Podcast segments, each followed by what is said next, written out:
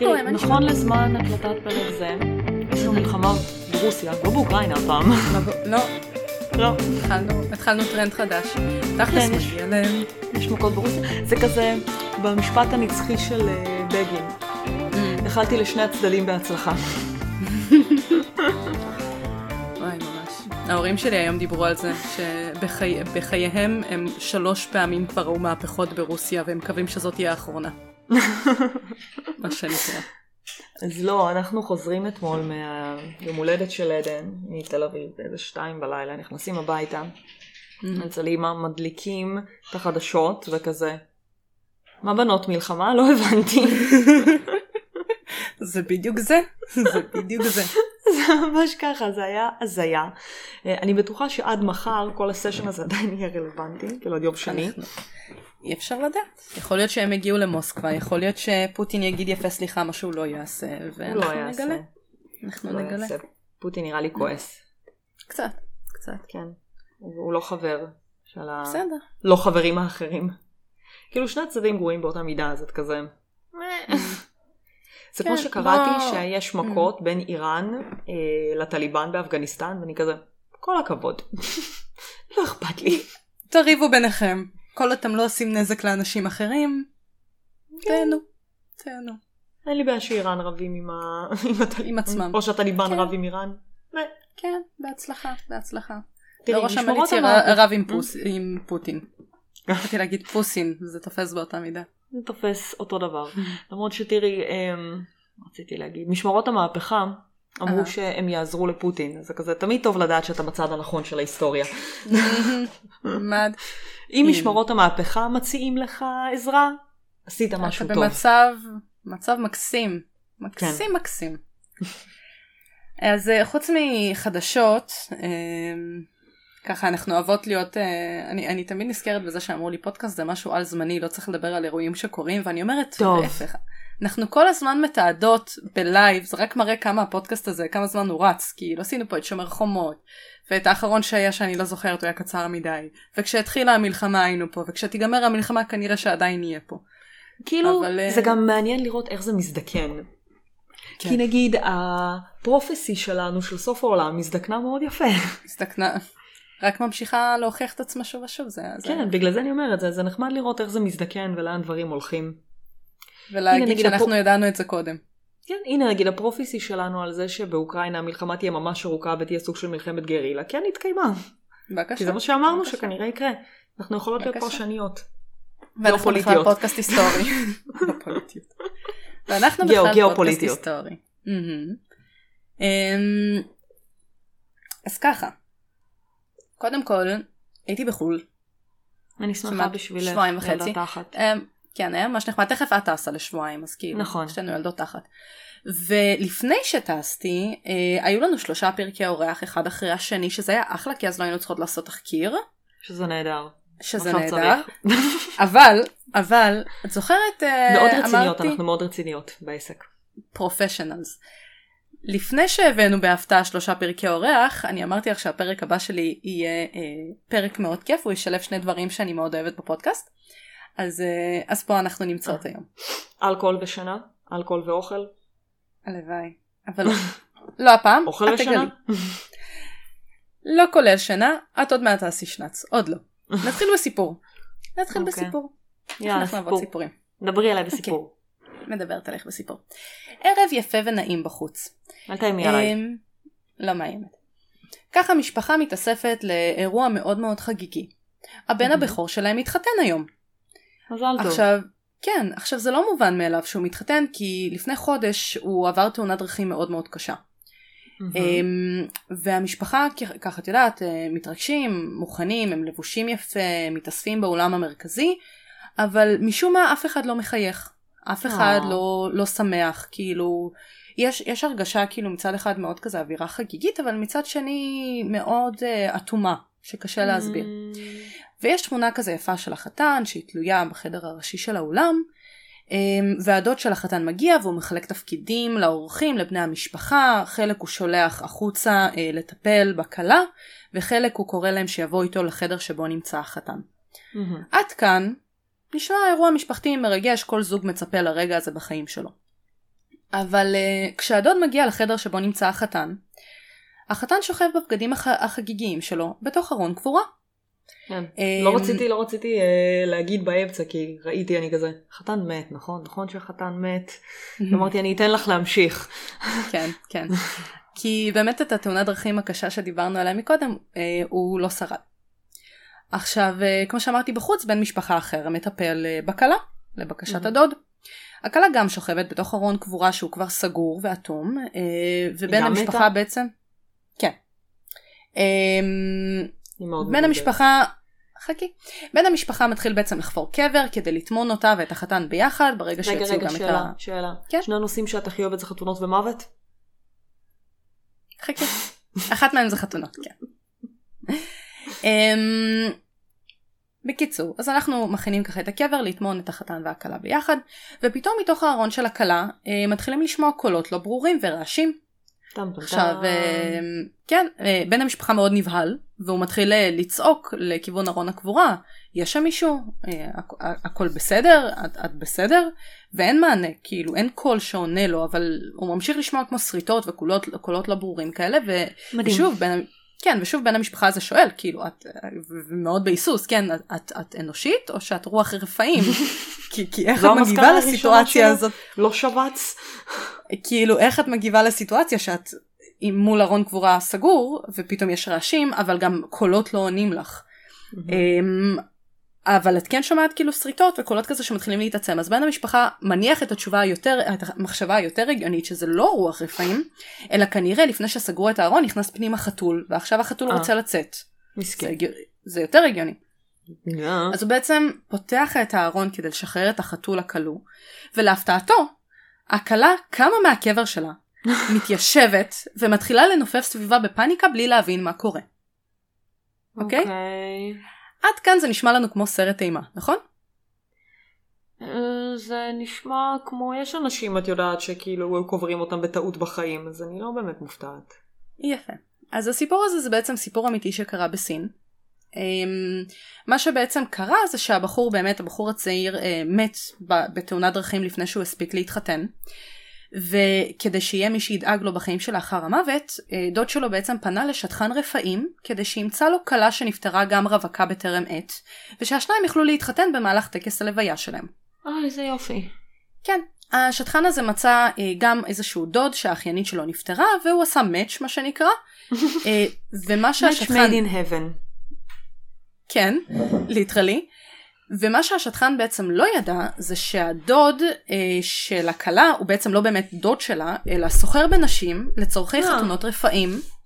כן. איזה יופי. אה, כי זה עסק מאוד רווחי כמו שאנחנו עוד מעט נגלה. ובעצם הסוחר הזה הוא מצא בחורה אילמת וחירשת ברחוב, הוא אה. חטף אותה, מדהים. אבל אה, מדהים. כן, אבל בגלל שהוא לא רוצח, הוא רק סוחר בנשים ויש לו מצפון, הוא לא רוצה לרצוח את הבחורה המסכנה, ברור, בטח. אז, אז מה שהוא עשה הוא סימם אותה אה, במטרה שהיא תהיה בעצם חסרת הכרה עד שיקברו אותה בחיים. אה, אה, יותר טוב. יחד זה עם- עדיף שהוא היה הורג אותן טוב. מראש. עדיף שהוא היה הורג אותן מראש. כן. אז במקרה הזה באמת הסם התפוגג לפני הזמן אה, והבחורה למזלה רב ניצלה ובבית החולים הצליחו לזהות את המשפחה שלה אה, ולצערם של המשפחה של החתן הם נשארו בלי כלת רפאים ועם חור מאוד מאוד גדול בכיס. אה, כי דבר כזה עולה לא מעט כסף. my God. אז ככה אה, למי שלא קרא את התיאור ולא הבין עד עכשיו יש לנו פה טריגר של רצח, סחר בני אדם, מוות, אה, נראה לי שזהו, אלא אם כן, אלא אם כן יהיה עוד משהו תוך כדי התחקיר ואז צריך יהיה לכתוב את זה. אה, אבל כן, אז תקראו את ה description של הפרק. כן, עכשיו אולי קצת מאוחר מדי כבר אבל תמיד טוב. אז ככה אה, למי שעוד לא הבין אנחנו נחבר עם שני נושאים שאני מאוד אוהבת שזה פרק החתונות שלנו וכל פרקי הרפאים שלנו שזה סאגה בעצם שנגררת מטירות רדופות ורוחות רפאים וטקסי קבורה אז בעצם ככה עשיתי זה- זה הנושאים הכי טובים. מאץ'. בדיוק. אז ככה עשיתי עכשיו את רק מאץ'. צריכה להוסיף לזה איזה שירות לילי ואנחנו מסודרות. שירותים ליליים אין לי פה. כי זה חבל. כבר נקרופיליה וזה פודקאסט חבל, אחר. איזה פספוס, איזה פספוס. זה פודקאסט אחר. Um, אז אנחנו נדבר על ההיסטוריה של חתונות הרפאים והמנהגים שלהם. Um, אנחנו נדבר הרבה על סין, אה, כי זה נוהג שהוא מאוד מאוד מוכר בסין. אה, אבל גם קצת במדינות אחרות. ככה עוד איזשהו disclaimer שהרעיון הזה וגם הסיפור הזה בהתחלה הבאתי אותו מפודקאסט של אה, בחורה שקוראים לה סטפני סו, יש לה פודקאסט שנקרא Rotten Mango והוא ממש ממש מומלץ אה, והיא באמת חוקרת הרבה מקרים שקורים באסיה ונעזרת ב... בהרבה אנשי מקצוע כדי לתרגם אז זה סיפורים שכאילו לא הסתמכתי הרבה על הדברים שלה מעבר למה ששמעתי כי היא תרגמה הכל מסינית מה שאני לא הולכת לעשות. לא יכול- ולא יכולות לא. גם, גם אם היינו רוצות. לא, לא, לא כדי כך, אבל זה באמת, אה, משם מגיע לי הרעיון, ו- וזה סופר כיף. אז בואי נדבר על זה. אה, קודם כל, מה זה הגדרה של חתונות רפאים? אז בעצם זה נישואים שמחייבים אה, מבחינה משפטית, כמו כל סוג של נישואים אחרים. אה. אה, כן, ההבדל היחיד זה שבמקרה הזה אחד הצדדים או שניהם נפטרו. זאת אומרת, לא חייב ששניהם יהיו מתים, יכול להיות שאחד אה, עדיין מספיק בחיים. שיהיה רק אחד. איזה יופי. כן. Um, כמו שאמרתי, הם מתק- מתקיימים באזורים רבים ברחבי העולם, בין היתר בסין, סודאן, צרפת ואפילו בארצות הברית לפעמים. אה, Um, כן, ובגלל שהן מתרחשות באזורים שונים מבחינה גיאוגרפית, אז גם לכל טקס יש מטרה ו- וטקסיות שונה. Um, דוגמה אחת זה נגיד מקרים שבהם יש אה, אלמנים או אלמנות שמתחתנים מחדש עם בני משפחה של בני הזוג המנוחים. אה, נגיד במקרה של מוות בטרם עת אז אנחנו מכירים את זה גם אפשר לומר מההיסטוריה של האצולה שאם את מתחתנת עם איזשהו אציל אה, ואז הוא נפטר אז את הרבה פעמים כאילו כאשת אצולה או כאיזה אדונית או וואטאבר תתחתני עם אח שלו לדוגמה. זה נראה לי אבל גם ממש יש מגיע דבר כזה מהתנ"ך גם יש לך את זה. של אם בעלך מת אז אח שלו כאילו אמור להתחתן איתך כדי לדאוג לך. ו- בדיוק. לילדים וזה יש איזה משהו כזה בדיוק. בתנ"ך מי שבקיא בזה יותר ממני תקנו אותנו. זהו אז זה- בדיוק זה זה בדיוק מקרים כאלה אמ, שאחת הסיבה הסיבות זה יכול להיות בשביל שידאגו לך ויש גם עוד סיבות. השמיני אגב ככה מהמם. הוא התחתן עם אה, אשתו הראשונה מהמם, קתרין נראה לי קראו לה. אה, היא הייתה אמורה להתחתן עם אח שלו מהמם. ואז אח שלו נפטר בטרם עת וככה. הנרי קיבל כאילו את הכתר והתחתן אה, גם עם אה, קתרין. אשתו.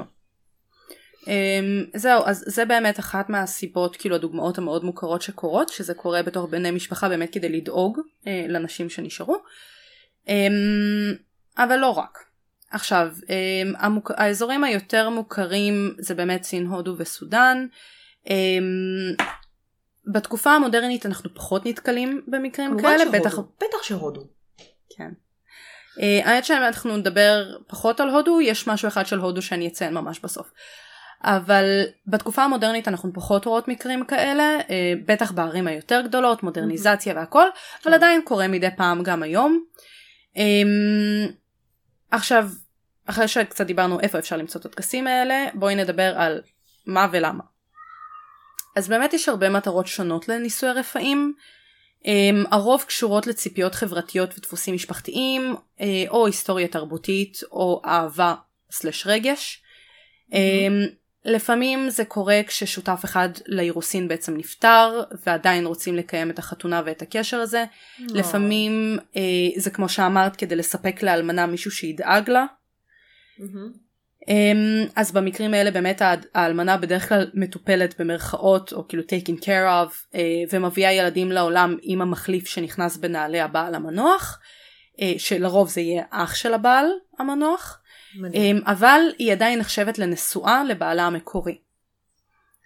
עכשיו um, אפשר לערוך טקסים כאלה גם כשאדם מאמין שרוח רפאים בעצם מבקשת בן זוג שיש מה? רוח שצריכה זוגיות אה. וזה קורה ולפעמים זה קורה לפי האמונה לפעמים זה קורה ואנחנו נדבר אמ, נגיד יש יש אה, משפחות מסוימות שיכולות לעשות טקסים כאלה לבן בכור שעדיין לא נשוי ולחתן אותו בעצם עם איזושהי רוח כדי שבן צעיר יותר יוכל להתחתן בתרבויות שבהם זה לא מקובל שהילד הצעיר מתחתן לפני הילד הבכור Mm.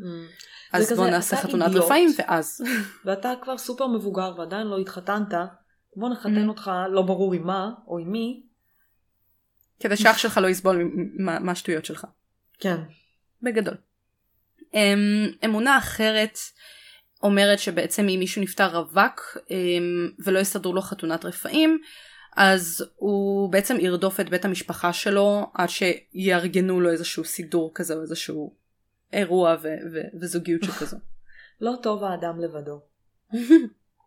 או הרוח לבדה. או הרוח אה, לבדה.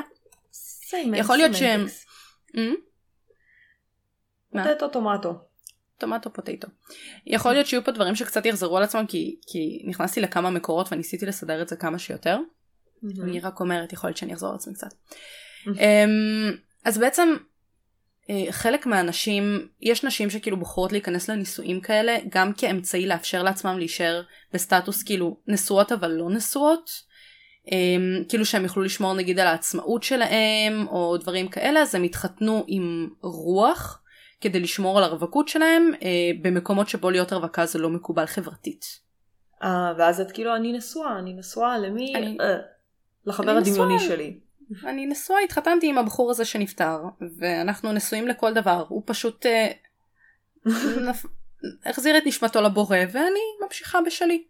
אז מה שלא דיברנו מילה בחיינו לפני שהוא מת, זה לא, או לא לא ידעתי שהוא שיעצור קיים ב- לפני שהוא מת. זה לא מה שיעצור בעד הזוגיות הזאת. אמ, כמו כן, אלה שמתחתנות עם עצים. כן, גם כאלה יש. עכשיו, בתרבויות שבהם נישואים אה, כאילו מאפשרים לאישה לשלוט ברכוש שלה או ברכוש של הבעל שנפטר, אז מהמם. גם יש נשים שיבחרו להתחתן עם רוחות כדי לשמור על העצמאות שלהם, לשמור על הרכוש שלהם או לקבל רכוש. כי נשים שק של נחשים. proxy, תמיד. Um, במקרים קצת פחות כיפים, הנישואים האלה יכולים להיות מאורגנים לפעמים לגבר שמת ללא צאצאים, um, ובעצם כאילו מחתנים אותו לאישה uh, כדי שיהיו לו איזשהו צאצאים שיטפלו בו בחיים לאחר המוות. ואז במקרה כזה המת בעצם מחותן בדרך כלל לאלמנה שכבר יש לה ילדים והם הופכים למשפחה כאילו משפחה כשרה כביכול לא, אולי לא כשרה אבל משפחה משפטית קבילה לכל דבר ועכשיו אוקיי. כשהילדים של האלמנה ימותו הוא כאילו יהיה אבא שלהם בחיים הבאים והם יצטרכו לטפל בו. אהה.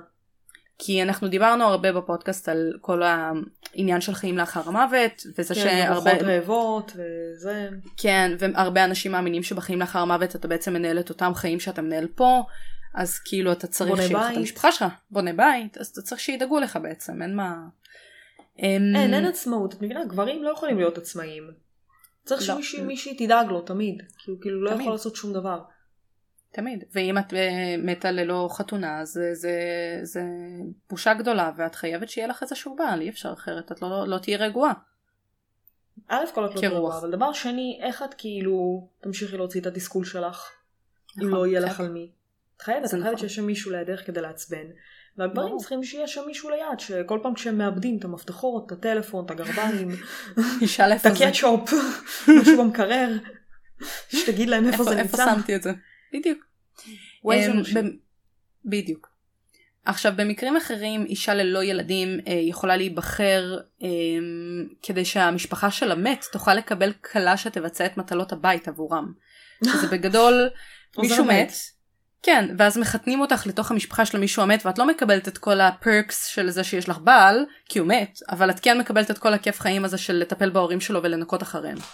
אה, מדהים. שזה זה חלום תענוג. חיי, תמיד רציתי. כן להיות אה, עכשיו משרתת עכשיו בי- הורגת את בנישואים. קיריל רק בשביל זה. מדהים. אני, אני בטוחה שקיריל כאילו ברקע לא שומע, אין לו מושג על מה מדברים, הוא רק שומע שאת מתכננת את הרצח שלו.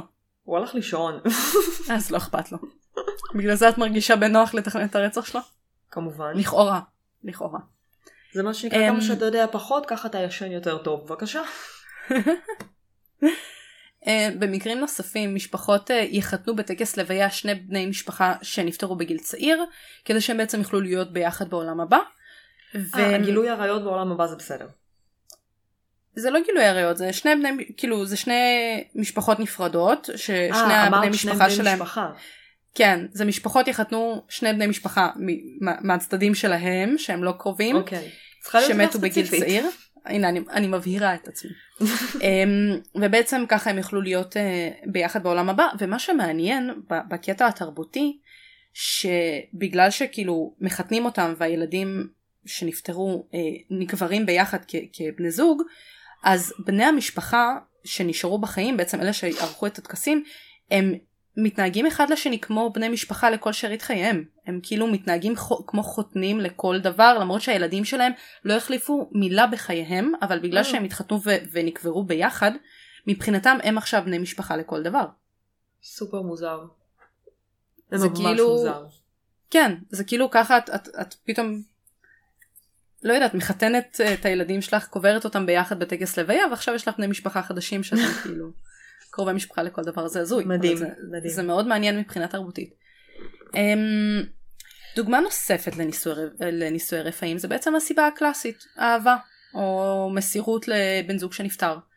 אמ, זה היה מאוד נפוץ בצרפת אמ, וקשור באמת למקרים שבהם אה, בני הזוג ש- של כאילו זוגיות של הרבה שנים או איזשהו ארוס מת בפתאומיות מהמם. ולמרות שבן הזוג החי בעצם לא מקבל שום ירושה או שום דבר כזה אמ, בתוך החתונה הזאת הילדים כן ייחשבו כילדים ששייכים לבן הזוג המת.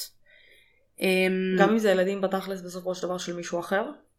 כן, הם יהיו כאילו שייכים כביכול לבעל הראשון, אמ, וזה בעצם איזושהי דרך של פרידה, סלש, את יודעת, לא יודעת, זו אוקיי. התמודדות כזאת עם האבל.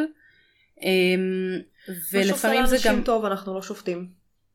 כן, אמ, ובאמת לפעמים גם עושים את זה מסיבות דתיות, אה, כי יש דתות שנותנות עדיפות לבני זוג כאילו בחיים שלאחר המוות. אז הם נותנים כאילו לזוגיות איזשהו צ'ופר על זה שהתחתנתם אז כאילו עושים את זה מסיבות דתיות. אוקיי. Um, התהליך של הטקסים משתנה מן הסתם בהתאם לתרבות uh, יש גרסאות ששם האלמנה או האלמן עומדים ליד תמונה של uh, בן הזוג המנוח בחזית של כנסייה אומרים נדרים של חתונה בצורה מאוד כזה רגילה ואופיינית uh, למרות שאומרים את זה לרוב בלשון עבר ולא בלשון מהמם. הווה סלש עתיד מן הסתם. כן. Um, בסין טקס חתונה רשמי יכול להתקיים לפעמים במקדש יחד עם שריפה של מנחות אמ, ככה שיהיה בעצם לזה שנפטר איזשהו חפץ להשתמש בו בעולם הבא. אמ, מה שגם עושים הרבה פעמים זה מדפיסים איזושהי דמות נייר בגודל מלא של בן הזוג שנפטר אה, והם מייצגים את החתן סלש הכלה שנפטרו בטקס ואז כשמסיימים את הטקס אז שורפים את הדמויות האלה את התמונות האלה יחד עם שאר המנחות באותה אש, אש טקסית. אמ, ובמקרים ששני בני הזוג נפטרו אז באמת קוברים אותם את העצמות שלהם בדרך כלל ביחד. אני רק שאלה. אמ, כן.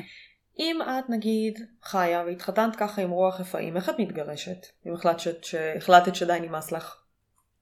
לא, לא, לא איך את זה. הגירושים אני, עובדים במקרה הזה?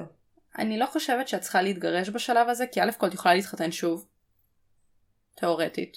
את לא חייבת כאילו להישאר, את יודעת, רק חתונת רפאים לחיים שלך, את יכולה להתחתן שוב. הרבה אנשים, כאילו יש הרבה תרבויות שמאפשרות את זה. אמ, וב' כל מה אכפת לך, הוא לא מפריע לך, הוא נח. אז כאילו את לא באמת צריכה להתגרש ממנו. לא שאת יודעת, הוא גונב לך את השלט, או שם לך מעלות אה, קרות במזגן, הוא לא מפריע לך לרוב. לא נוחר עלייך בלילה. עושה דברים אחרים אולי, אבל נוחר בטוח לא. אם כן, אז את לא צריכה, את לא צריכה רב לגירושין, את צריכה מגרשים. exorcist. זה גירושים מסוג אחר. זה גירושים מסוג אחר לגמרי. אמ, אז ככה, קצת יותר להיסטוריה. אמ, כמה שהצלחתי למצוא, אז בעצם זה טקסים שאפשר לומר שהמקור שלהם, שלהם התחיל לפני 3,000 שנה אפילו. הרבה זה. התחיל באמת, כן, זה התחיל בפעם. באמת אה, הרבה בפעם. אה, בסין, אני, כאילו זה באמת התחיל בימי קדם, אה, כמו שאמרתי, יש גם תיעודים דומים לזה בתנ"ך ובעוד תרבויות, אבל שוב התמקדתי בעיקר בסין. אמ, המסורת התחילה בעצם מהאמונה שמבוגרים שמתו לפני הנישואים לא יכולים להיקבר עם אבותיהם. אה, זה התחיל סביב המסורת והאמונה הזאת. והמשפחות, והאבות הקדמונים זה חשוב. זה מאוד חשוב, ראינו מולן, כולנו יודעים כמה זה חשוב. בדיוק. מולן המקורי המצויר. נורמלי. אמ, הטוב כן. באמת. עכשיו המשפחות לא רצו להשאיר את, הגופות אה, קבורות כאילו מחוץ לקבורת המשפחה מהמם.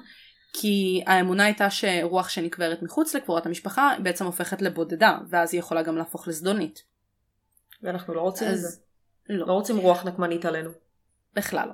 אז במקום זה הם החליטו בעצם למצוא בעלים סלש כלות עבור קרובי המשפחה המתים שלהם אה, וככה הם גם היו ממשיכים את עידן היוחסין שלהם בעולם הבא. אה, וזה מה שבאמת הוביל להתפתחות של שוק אפשר לקרוא לזה שוק מאוד גדול של כלות רפאים. מדהים. אה, מה שכמובן... תקשיבי, בפעם ש... התמותה הייתה מאוד גבוהה, זה לא היה בעיה למצוא. נכון. אמ, אבל באמת זה באיזשהו שלב גם הוביל לסחר בגופות, אה, כמו שראינו בסיפור בתחילת הפרק. וזה באמת העשייה ש... שהובילה הרבה לפשע ולחטיפות ורצח וכאלה. איזה יופי. אמ, כן, בכל שלב בהיסטוריה יש לך סחר בגופות, זה מדהים. לא משנה איפה את בגלובוס. מכל מיני סיבות כאלה ואחרות. אמ, זה עודד פושעים לפשוט על חדרי קבורה, אה, על קברים סליחה, סליחה וחדרי מתים, לגנוב ולסחור בגופות, זה רלוונטי גם להיום. אמ, אחד המקורות שראי, אה, ש, שקראתי אה, ציין שהיה, שהם כאילו עשו מחקר על הנושא הזה ועלה שבפולקלור הסטיגמה של רווקות היא הייתה שוויונית בין אנשים לגברים, זאת אומרת hmm. גם אם גבר מת וגם אם אישה מתה זה לא היה מקובל שהם, שהם לא התחתנו. אמ, ולא יהיו נשואים כביכול בחיים שלאחר המוות. אבל הגופות שסחרו בהן... אותו דבר. בדיוק. אבל עם זאת הגופות שסוחרים בהן לרוב הם עדיין יהיו גופות נשים. אה, ובעיקר מן הסתם באזורים יותר עניים. כי אמרנו שגברים הם יוסלס.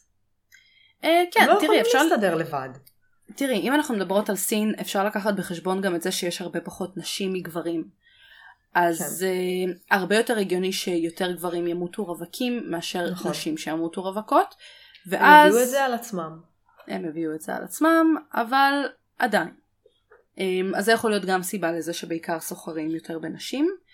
Um, עכשיו לפי הפולקלור הסיני um, המקרה הבא הוא סוג של כזה נישואים בימי קדם, אוקיי? Okay? אוקיי. אז אם את באת ממשפחה עשירה mm-hmm. ומתת או מישהי שמתה בגיל שמתאים לנישואים, זאת אומרת לא ילדה צעירה, mm-hmm. המשפחה הייתה מוצאת שטחן שיחפש זכר בגיל דומה. אמ, הוא צריך טקס... להיות גם ממעמד דומה אני מניחה? לא בהכרח. Mm. טקס הנישואים היה באמת זהה לנישואים רשמיים, אלא שהבת הייתה מתה, שוכבת על מיטתה, יש כל מיני uh, טקסים, גינונים, היו מקצרים לרוב את הגינונים, כי בכל זאת זה, זה טקס שבסופו של דבר גם צריכה להיות לו לוויה ממש לאחר מכן אז וזה גם מה שנקרא כי זה גופה וזה בימי קדם אז אין לנו מקררים אה, או שימור ובלי קשר כאילו אין לנו את כל היום לטקסים האלה כאילו yep. אז בואו נריץ. אמ, אז הבעל שמצא השטחן היה בדרך כלל לפי בקשת המשפחה של המנוחה לרוב הוא היה דווקא ממעמד יותר עני. Mm. ההסכם היה או לשלם לו סכום חד פעמי או לארגן לו נישואים נוספים מאוחר יותר, זאת אומרת גם אם עשית חתונת רפאים את עדיין יכולה להתחתן כמו שאמרנו. Okay. אוקיי. אמ, בני הזוג שניהם היו לובשים בגדי חתונה במהלך החתונה. לאחר הטקס הבעל היה לוקח זוג נעליים של האישה במטרה להכניס אותן למקדש עבור האישה אחרי שהוא בעצם ייגמר הטקס ויחזור הביתה הוא שם את הנעליים שלו במקדש שיש להם. לרוב יש כאלה שיש להם מקדשים בתוך הבית או את המקדש כן. המשפחתי כן. אז שמים את זה שם. אוקיי. כן, אנחנו מכירות הרבה אמונות, אה, אמונות שקשורות בנעליים, כן. סביב נעליים, אז הנה עוד משהו. אמ, ואז כמו שאמרתי קודם, בסוף הטקס אמ, שני, שתי המשפחות בעצם יהפכו לחותנים. אה, כמו, כמו ביחסים רגילים לגמרי. במקרה הזה ספציפית לא בהכרח שהחתן מת, כאילו הוא ממשיך את החיים mm. שלו אחר כך. אמ, עכשיו האמונה הייתה שארוחות של נשים שהן לא נשואות היו מסתובבות בעולם בלי איזושהי הרגשת שייכות לשום מקום. Oh. אבל אם היא כאילו מתחתנת לאחר מותה אז בעצם הרוח של הגבר אה, היא יכולה להצטרף בעצם סליחה למש... למשפחה של בעלה אה, ואז היא מקבלת גם מחוות מהצאצאים של בעלה והיא תוכל למצוא שלווה והיא תוכל להיקבר עם אבותיו של בעלה ובעצם כאילו במקרה כן, שאנחנו מדברים... בסין, mm-hmm. בנות אוטומטית בחתונה מצטרפות למשפחה. בדיוק. של אה, הבעל, אני חושבת שדיברנו על זה באחד הפרקים. במלא פרקים. ובגלל זה כאילו, אז בסין כשהיה להם את הזה של הילד אחד, mm-hmm. אז הם כולם עשו רצו... מלא הפלות. עשו מלא הפלות ברגע שגילו באולטרסאונד. היה, היה תקופה שהם אסרו בדיקות אולטרסאונד. הם היו עושים מחתרת, כן. כן, והם עשו במחתרת. והפלות במחתרת וזה, כי כולם רצו בנים, כי אף אחד לא רצה שהילד היחיד שלו יעזוב לגמרי כאילו את המשפחה ולא יהיה מי שידאג למבוגרים. בדיוק. אז פה אמ, הבעיה זה אותה בעיה, כי אם אין לך בעל, אז את לא יכולה להיקבר עם המשפחה של בעלך. אבל את גם נכון. לא יכולה להיקבר עם אבותייך, כי את אישה.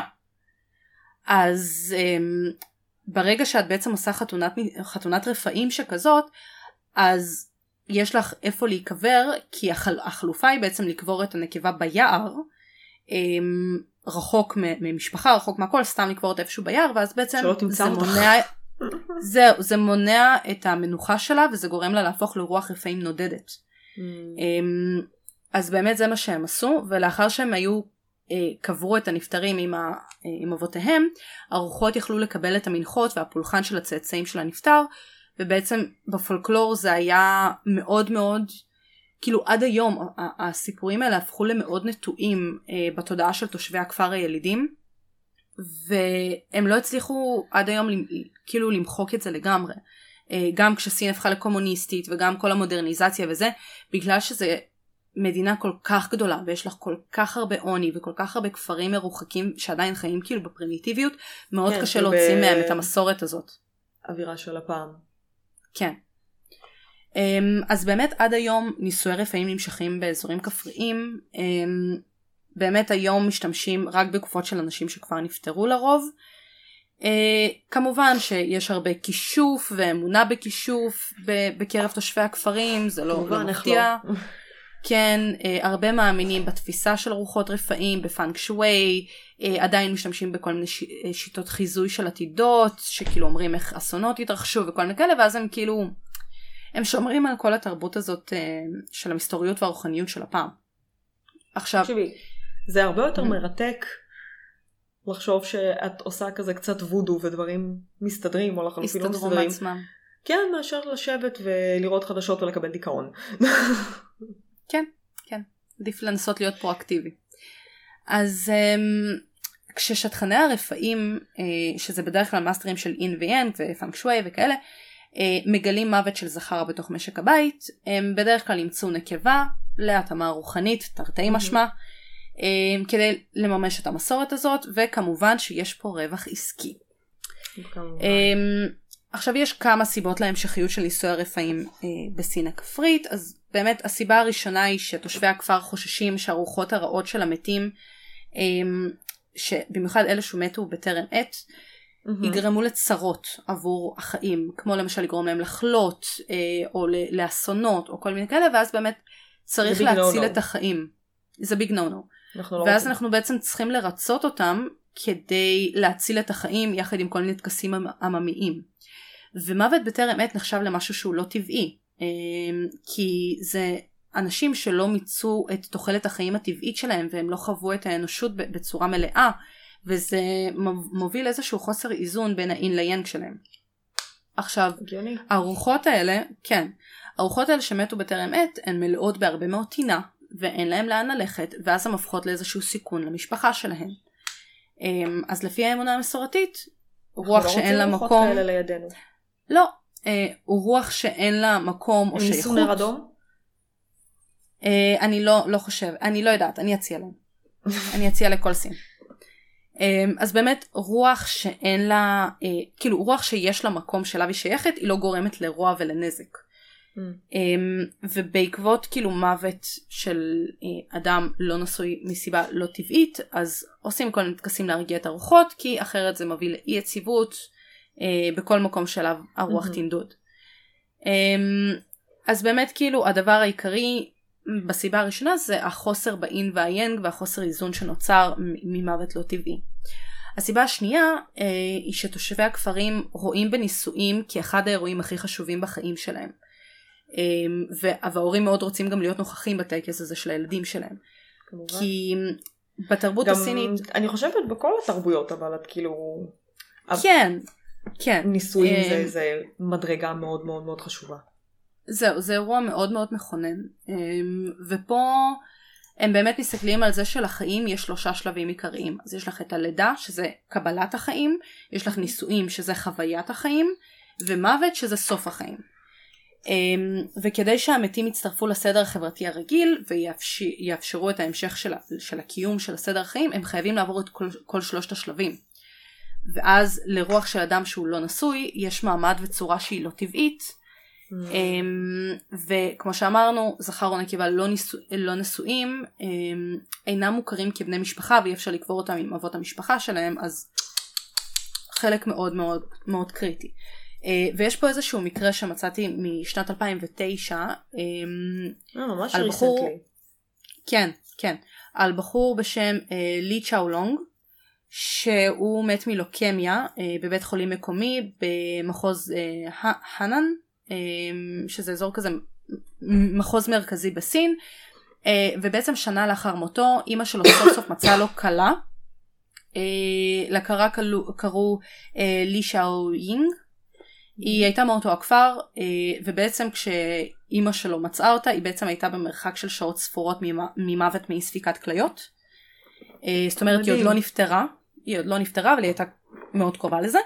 אה, ובאמת הכלה אפשר לומר נפטרה זמן קצר לאחר מכן ויום לאחר מותה הם ערכו טקס לוויה שהפך גם לחתונה של בני הזוג.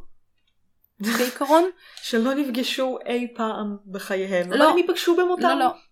כן, הם שניהם נפטרו בגיל צעיר, הם לא נפגשו, אה, הם נקברו יחד בקבר המשפחה של, אה, שלי, אה, וחבר של המשפחה סיפר לעיתונות ששתי המשפחות התחבקו ובכו בהלוויות אבלות אך חוגגות. והוא ממש בציטוט אמר הוא סוף סוף הפך לגבר נשוי. כאילו הם ממש מסתכלים על זה למרות שהבחור מת כבר שנה. הם מסתכלים על זה כאילו כאיזשהו רגע נורא נורא מכונן ב... אני לא אגיד בחיים שלו, אבל כאילו ב... ב... בחוויה? קיום שלו. ב... ב... בהוויה. ב... בישות שלו, של, של הבחור שנפטר. Um, הוא, הוא אמר פה בעוד איזשהו ציטוט שהנישואים היו משמעותיים להפליא עבור המשפחה uh, שכן בשנה הראשונה לאחר מותו שלי זקני משפחתו אסרו על אמו לקבור אותו בקרב המשפחה כי הוא מת כרווק. Uh, ושוב אני מדברת על 2009. וואו. אמ, הם בעצם אמרו שזה היה מביא מזל רע לסבתא שלי שהיא הייתה עוד בחיים בזמנו אה, אם הוא היה נקבר בקבר המשפחתי לפני הנישואים. כן. זה מחשבה קצת אמ, עצובה. פשוט תנו למת ללכת ותמשיכו הלאה. כן. אמ, ההורים של הכלה אגב הם אה, במקרה שלהם אם הם לא היו מסדרים בעצם או מסכימים לנישואי רפאים האלה לבת שלהם אה, כמו שאמרנו לעולם לא היה מותר לה להיקבר רשמית בשום מקום אז זה כאילו כנראה שזה היה קרימיישן כאילו שריפה וזה היה נגמר mm. בזה. אה, ושוב אנחנו מדברים פה בסופו של דבר כמה שזה נראה לנו מוזר אה, יש פה הרבה מרכיבים של התמודדות עם אבל. אה, בין אם זה כאילו איך שהמשפחה מתמודדת עם זה ורוצה mm-hmm. לחוות איזשהו אירוע כזה ולשמח כביכול את בן המשפחה שלהם שנפטר בטרם עת אמ, לפני שהם משחררים אותו. כן. או שמקרים אחרים שגם נתייחס אליהם קצת של מה קורה שכאילו בן אדם שאהבת חלילה נפטר בטרם עת וכאילו תכננתם להתחתן אמ, ואיך מתמודדים עם זה. אמ, אבל נחזור ככה לסיבה השלישית שלנו של למה הדבר הזה עדיין קורה ובעצם באמת משפחה שלא יכולה להשלים עם מותו בטרם עת של בן משפחה צריכה למצוא נחמה באמצעים אחרים שזה ליטרלי מה שאמרנו עכשיו אפילו לא זכרתי שזו כן. הסיבה השלישית. אז באמת הנישואים האלה זה הדרך להקל על חלק מהכאב והצער ש, שקשורים בשכול. Um, הרבה פעמים הדור הצעיר במשפחה הוא זה שעוזר לדור המבוגר יותר uh, לעשות שידוך עצמות. כאילו בון uh, שידוך עצמות כן. בון אמ, שגם זה, זה נחשב למסורת של הרבה מאוד שנים והרבה פעמים כזה אם גבר מת לפני שהוא נשוי אז הדור הבא הוא זה שאחראי על סידור הנישואים. על למצוא את זה. אמ, זה כאילו סופר מוזר כי אני חושבת כאילו תנו תנו למת המסכן הזה לנוח על משכבו בשלום. אל תטעו בנשמה שלהם טקסים אבל באמונה שלהם אם הם לא יעשו את זה הוא לא אז הוא לא ינוח. כזה איזה כאילו זה שוני בתפיסות שלנו, אם מסתכלת על תפיסה מערבית, mm-hmm. זה כזה, בן אדם הלך. ואז יש לך את ההתמודדויות שלך כאילו עם השכול וזה. ושם זה כזה, לא. זה, זה לא כן. נגמר עד שזה נגמר.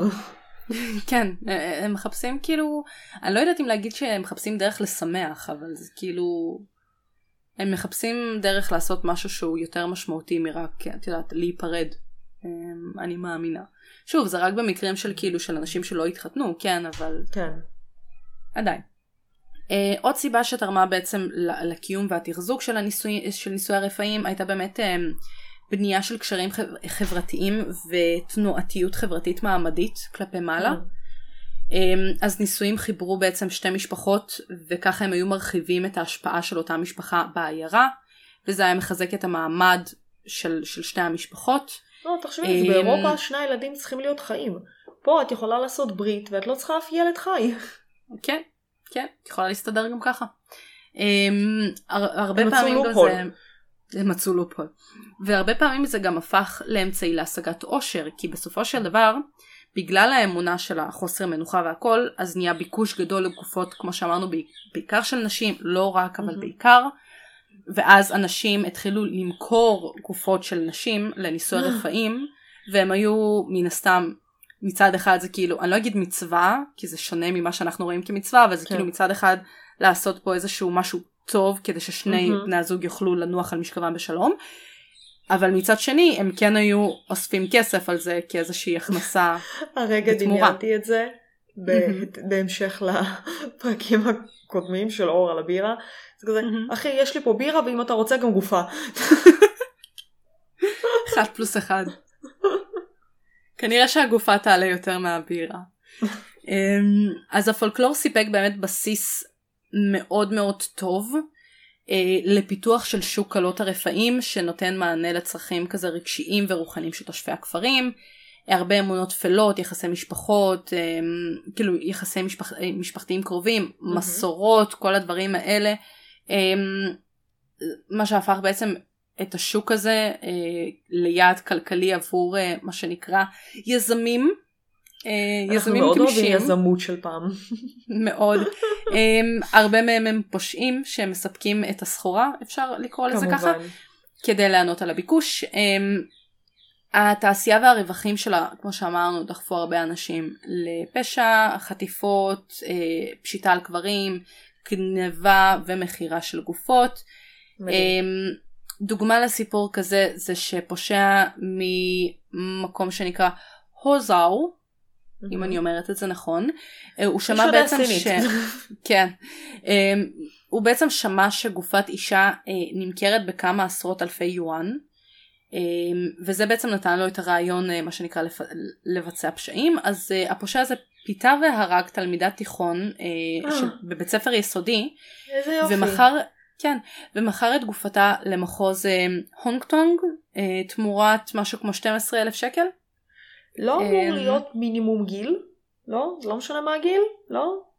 אמרו מתאים לגיל נישואים. עכשיו אה, המונח הזה מתאים לגיל נישואים. שמונה זה הגיל לנישואים. זה יכול להיות גם 11. גם 11 זה גיל מעולה לנישואים. בפעם? אנחנו איחרנו את זמננו כשהתחתנו. ממש, אנחנו כבר היינו צריכות להיות סבתא.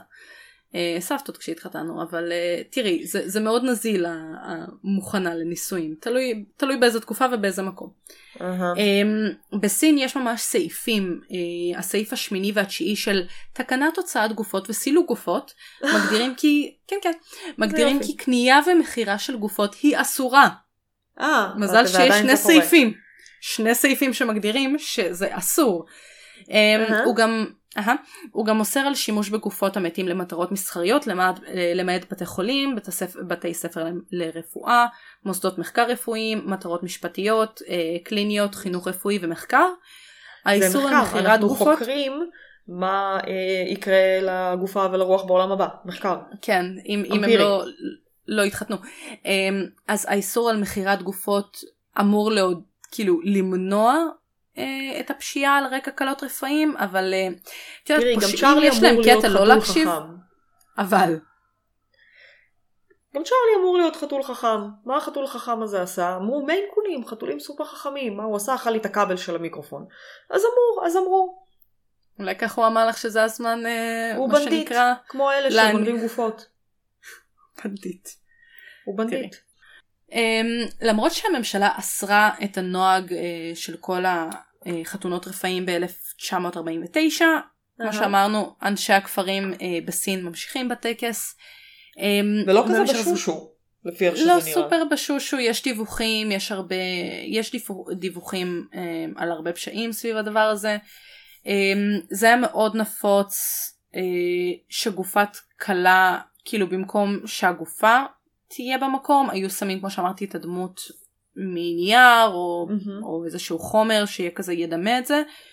אה, אבל האמינו שזה לא היה מספיק כדי כאילו שהדמויות האלה מה, מהחומר כאילו מהתמונות או מהחמר או וואטאבר או לא, לא היו מספיקות כדי להדוף מזל רע ואז זה באמת הוביל לזה שאנשים עדיין גונבים גופות נשים ומוכרים אותם למשפחות של גברים שנפטרו איזה יופי. לעיתים קרובות במחירים גבוהים אה, יש משפחה ששילמה 180 אלף יואן שזה כמעט 91 אלף שקל עבור וואו. כלת אה, אה, כלת רפאים עבור הבן הרווק המת שלהם אמ, ויש חברות שידוכים כמובן שהוקמו אה, במטרה לעזור לזוגות רווקים שמתו למצוא זיווג מה שנקרא בעולם הבא מדהים. אמ, ובסוף זה הכל עניין של היצע וביקוש כאילו אין מה לעשות.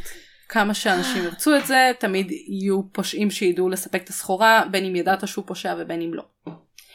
Um, ככה קצת לצאת מחוץ לסין לקראת סיום uh, זה היה כזה לא סופר היסטוריה אבל זה יותר לדבר כאילו על התרבות ועל, ה, ועל המסורת של, של הדבר הזה um, אבל קצת מחוץ לסין מהמם. אז אמרנו שהיה את זה גם במערב אה, באמת במלחמת העולם הראשונה אומץ אה, המנהג של חתונות רפאים בצרפת כי מלא אה, מתו. כן כי מלא נשים איבדו את הארוסים שלהם אה, במלחמה ועדיין רצו להתחתן אה, אז אז היה הם לך עשו או את זה דרך חתונות חתונת בזק, רפאים. מהמם. של שנייה לפני שאתה יוצא כאילו לחזית. אנחנו מתחתנים כן. זריז זריז. ואם או- לא הספקת אז כשאתה. לא חוזר מהחזית. במידה והוא לא חוזר מהחזית. רוב אמ, הסיכויים הוא לא, בוא נהיה כנות. תראי. וואי, איזה בדיחה ראיתי. מים. זה הומור שחור, אז מי שרוצה שיעביר קצת קדימה. אמ, זה היה כזה אה, דברים שהסיקוול, כאילו הסרט השני, החלק השני היה הרבה. יותר טוב מהחלק הראשון. הטיטניק. מלחמת העולם השנייה. אה אוקיי. אני חשבתי שעכשיו עם עם הצוללות לא משנה. אה, עם לא הצוללת? לא, אבל המימים. הצוללת. המימים. כן. כאילו עצוב והכל, אבל המימים. אנחנו פה בשביל המימים. לא, אני פשוט הדבר, ברגע שסיפרו לי על העניין של הצוללת שעוד 30 דקות הולך להיגמר החמצן בצוללת, אני פשוט חשבתי על זה שעוד 30 דקות מישהו הולך להיות נורא נורא עשיר. זה מה שכולם אני חשבו. התעסקתי בעיקר. זה מה אני שכולם חשבו. בעיקר. אבל כאילו הם לא למדו, הם לא למדו, זה היה כזה, בוא נצלול באותו מקום וניתן לצוללת את אותו השם. ובוא נראה מה יקרה. כן. בוא נראה מה יקרה. בכל מקרה, המון מוות בפרק הזה, המון מוות. אז uh, באמת מה שקרה זה שהרבה נשים התחתנו uh, אחרי שהארוס שלהם מת במלחמה, עשו סוג של חתונת רפאים, ואז המנהג הזה חזר לתודעה עוד פעם 40 שנה לאחר מכן, uh, שבעצם 40 שנה אחרי מלחמת העולם הראשונה, כן? Uh, מהמם. שסכר התמוטט באופן טרגי, uh, וזה גרם ל... למוות של, אה, של איזשהו פועל ש, שעבד ב, באזור, אה, מת בתאונה, ואישה אה, שהייתה ארוסתו התחננה לקבל אישור מהממשלה להתחתן איתו למרות שהוא נפטר. אה, ומאז בעצם הנוהג הזה הפך להיות מוגן על פי חוקי הנישואים הצרפתיים ועדיין ניתן לקיים אותו ממגוון סיבות. או וואו, כל הכבוד לצרפת. כן. להסדיר את אמ, העניין של הפנסיות שלהם הם לא יכולים, אבל את זה כן. כל אחד ומה שקריטי לו. אה, בשבט נוער שבסודאן אה, זה היה בדרך כלל האח של החתן ש, שהחליף את בעצם את הרוס שמת בטקס כמו. שאמרנו אה, ו- והיה בעצם מחליף אותו. אוקיי. בקיצור ה- האח יצטרך להיכנס בנעלי אה, החתן שנפטר אה, ואז הוא בעצם כאילו מתחתן עם הארוסה ש, שנשארה אמ, וה, ובעצם הבעל המנוח או האח המנוח עדיין נחשב בתור הבעל האמיתי של, ה, של האישה למרות שהתחתנה עם אחיו בפועל אה, ולכן זה אומר שאם היו מגיעים ילדים מהאיחוד של האח של החתן המת והאישה מהמם. אותם ילדים נחשבים לצאצאים של המת ולא לצאצאיו של האח החי. גם אם הילדים הם של האח החי. כן, אבל בגלל שהוא נכנס בנעליו של האח המת, אז הילדים הם של האח המת. מדהים. כן. כי ככה בטיוואן, גנטיקה, ככה גנטיקה עובדת. כי ככה הם מסתכלים. ומחשיבים. עובדת, בדיוק. הם ככה. לא מסתכלים על ביולוגיה, הם מסתכלים על איך הם מחשיבים את זה אצלם ברמה החוקית. מסתכלים על זה. אחרת.